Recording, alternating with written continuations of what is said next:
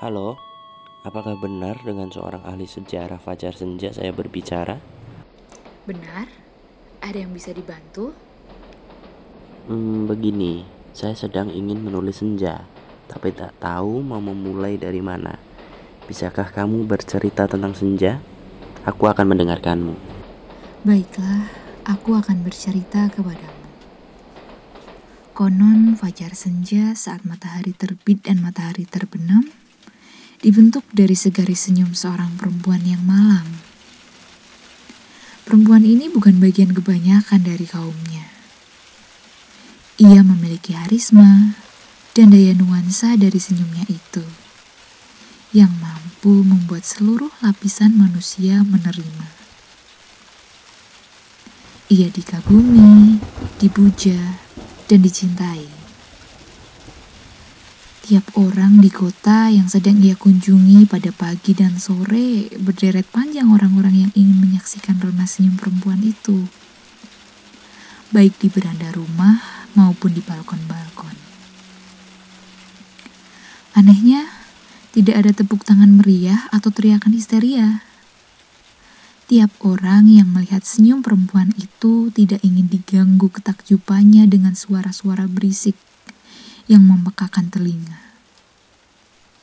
Mereka lebih memilih cukup terpejam dan menghirup nafas dalam-dalam untuk melihat dan menikmati keindahan dengan serius. Namun hal tersebut tidak cukup bagi perempuan itu. Ia ingin dikagumi, dipuja maupun dicintai dengan teriakan dan tepuk tangan yang meriah. Sayangnya, di tiap kota, tiap manusia yang memandangnya, meski telah jatuh cinta dan kagum dengan senyuman itu, mereka tidak mau melakukan keduanya.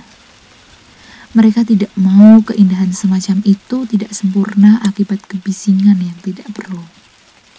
Ia tak mendapat ekspektasi yang berputar-putar di kepalanya. Ia selalu menanyakan keheranan.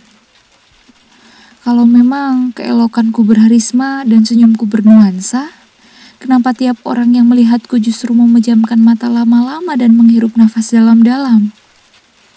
Apakah aku tidak cukup untuk diteriaki dan diberi tepuk tangan?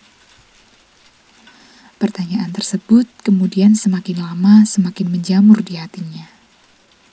Membuatnya frustasi dan tak terkendali. Lantas, ia mengakhiri hidupnya di tangannya sendiri. Dengan sebilah belati yang kedua matanya bersimbah darah.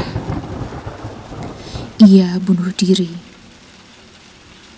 Ketika tahu tiap kota dan manusia yang berada di dalamnya berhamburan keluar rumah dan menjeritkan tangisannya masing-masing. Mereka kehilangan sesuatu yang dulunya dapat dinikmati di waktu pagi dan sore kebaikan Tuhan, senyum milik perempuan malang itu diangkat ke langit dan pecah menjadi dua ufuk yang berbeda, timur dan barat. Masing-masing munculnya secara bergantian. Ketika pagi, mereka akan menemukan senyum perempuan itu di ufuk timur. Ketika hari menjelang sore, mereka dapat menemukan pecah senyumnya lagi di ufuk bagian barat. Begitulah awal mula fajar senja dengan warna kemerah-merahnya yang semakin pekat menjelang matahari terbit dan kian memudar di sore hari saat matahari mulai terbenam.